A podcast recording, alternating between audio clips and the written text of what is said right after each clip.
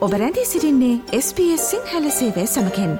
වැඩිතුර තොරතුර දැනැනීමට පිවිසන්න ps.com.ta/ Sinhala වෙපඩවයට SBS SBS SBS SBS SBS SBS Radio. ඔස්ට්‍රලියාවේ සෞඛ්‍ය ආරක්ෂණ යෝජනා ක්‍රමය වන මෙඩිකයා එහි හතලිස් වන සංවත්සරය සමරනවා. කොහොමුණත් ඉහල යන වෛද්‍ය ගාස්තු හේතුවෙන් රෝගීන් තම වෛද්‍යවරයා හමුවීමෙන් වැලකී සිටීමට වැඩි වශයෙන් යොමුවන බව නව දත්ත මගින් අනාවරණය වෙනවා. රජය මෙම සංවත්සරය සමරණ අතරතුර පසුගිය වසරේ රටපුරා බල්ක් පිලින් සේවාව සපයන වෛද්‍යවරුන් වෙත රෝගින්ගේ පැමිණීමේ ඉතා සුළු වර්ධනයක් පෙන්නුම් කරනවා. මෙම තත්ත්වය ඇතිවීති වෙන්නේ පසුගේ වසරේ මෙඩිකයා බල්ක් බිලින් දීමනා තුන්ගුණයකින් වැඩිකිරීමත් සමඟයි. මේ පිළිබඳ වැඩිදුර තොරතුරු අද දිනය අපගේ කාලීන තොරතුරු විග්‍රහයෙන් බලාපොරොත්තු වන්න. මෙඩිකයා කියන්නේ ඔස්ට්‍රලියාවේ ජාතික සෞඛ්‍ය රක්ෂණ ක්‍රමය. මෙඩිකයා මේ වසරේ සමරන්නේ එහි හතලිස්වනි සංවත්සරය. මෙය සෞඛ්‍ය සේවාව හැකිතරම් සරල ලාභ සහ සාධාරණ කිරීමට කම්කරු පක්ෂ විසින් හඳුන්වාදුන් ක්‍රමවේදයක්. මෙම ක්‍රමය තුළින් සියලුම ඔස්ට්‍රලියනුවන්ට සහ සමහර විදේශිකයන්ට සෞඛ්‍ය සහ රෝහල් සේවා අඩු හෝ ගාස්තු රහිතව ලබා ගැනීමට ඉඩ ප්‍රස්ථාව සලසනවා. නමුත් පලදායිතා කොමිෂන් සභාවේ වාර්තාවකින් හෙළිවී තියෙන්නේ වෛද්‍ය හමු සඳහා යන වියදම ඉහළයාමත් සමඟ වෛද්‍යවරයා හමුවීම ප්‍රමාද කරන හෝ නොපැමිණෙන පුද්ගලන්ගේ සංඛ්‍යාව දෙගුණ වී ඇති බවයි. මෙය මාස දොළහක් තුළ සියයට තුනයිදශම පහේ සිට සියට හත දක්වා ඉහළ ගොස් තිබෙනවා. දිරිදීමනා වැඩිකිරීමත් සමඟ ඇති වූ වර්ධනය පෙන්වා දෙන සෞඛ්‍යමාත්‍ය මාක් බට්ල මෙඩිකයා ක්‍රමය පිළිබඳ ඉතා ධනාත්මක මතයක් දරනවා. In the last two months, since that money started to hit general practices, we've also seen an increase in bulk billing. In November and December alone, just two months, there were 360,000 additional free visits to the doctor. සාමාන්‍ය වෛද්‍ය සේවා එනම් GP සායනවලට යොමුවන වයස අවුරුදු දාසයට අඩු හෝ ප්‍රාදේශීය ප්‍රදේශවල හෝ කන්සෙෂන් කාඩ් පත් ඇති රෝගීන්ට බල්ක් බිලින් සේවාව සඳහා අමතර දිරිදීමනා ලැබී තිබෙනවා. මේ නිසා බල්ක් බිලින් සේවා ලබා ගැනීම වල සියයට දෙකයි දශම එකක වැඩවීමක් දක්නට තිබෙන බව නවතම දත්ත අනාවරණය කරනවා.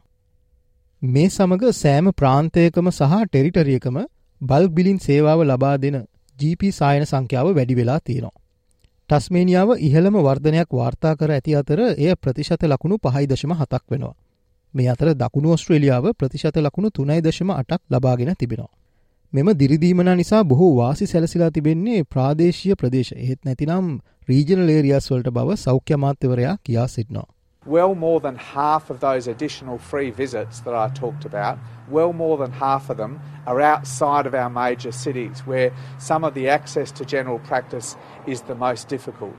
ග්‍රාමීය ප්‍රදේශවල වෙසෙන පුද්ගලයන් වෛද්‍යවරුන් හමුවීම සඳහා වැඩිවන පිරිවැය පාලනය කිරීමට මෙම දිරිගැන්වීම් උපකාරි වනු ඇතැයි ඔස්ට්‍රලියාවේ ප්‍රාදේශීය වෛද්‍යවරුන්ගේ සංගමේ ප්‍රධාන විදායක නිලධාරණය වන පීට රදෆෝඩ් පවසා සිටනවා.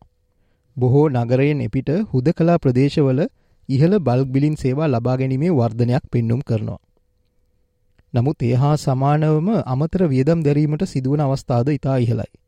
මේ නිසා ලබා දෙන දීමනා වැඩිකිරීමෙන් අමතර ගෙවීම් ප්‍රමාණය යම් දුරකට අඩුවීමක් වනු ඇති බව ඇය වැඩිදුරටත් කියා සිටියා. Particularly in remote Australia, what we saw was the, the highest rates of bulk billing, but also the highest rates of out of pocket expenses.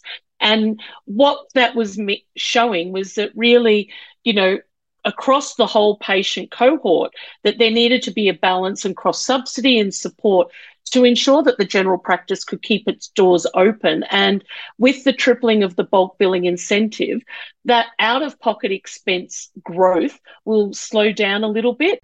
ජීවන වියදම් පීඩනය හේතුවෙන් වාර්ෂිකව බල්බිලින් සේවාව භාවිතාවන අනුපාතය පසුගේ අගෝස්තු මාසේදී දශක දහයකදී වාර්තාවුණු අවමගේ වාර්තා කරලා තියෙනවා.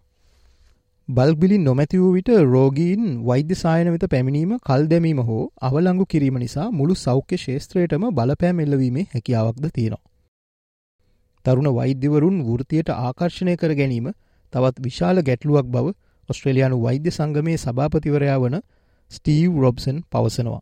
මෙලෙස සාමාන්‍ය වෛද්‍ය සේවා සඳහා මෙම දීවනා ලබාදීම තුළින් තරුණ වෛද්‍යවරුන් වෘතියට ආකර්ශණය කර ගැනීමට හැකිවුණු ඇති බවයි ඔහු වැඩිදුරටත් කියා සිටින්නේ. One of the problems is at the moment general practice has been so neglected doctors, young doctors don't want to be general practitioners. So we're hoping that these incentives will make that an attractive career path again. We'll have more GPs training and that will ease pressure on the systems and allow Australians to get the care they need.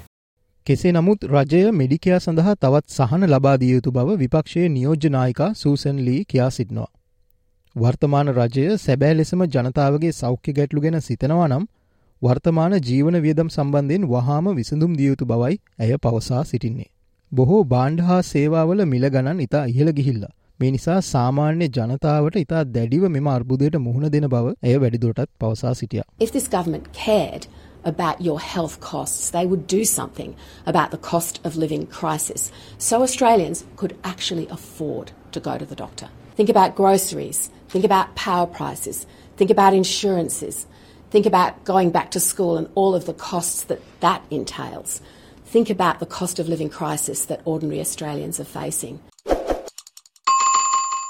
ඔස්ට්‍රලියාවේ නවතම ප්‍රවෘත්ති සහ කාලීන තොරතුරු රැගත් අපගේ ගුවන් විදුලි විශේෂංගවලට පසුව සවන් දෙන්න www.sbs.com.au/ සිංහල යන අපගේ වෙබ් අඩවයේ පහලි නැති කාලීන ලෙස නම් කොට ඇති වෙබ් පිටුවට පිවිසන්න.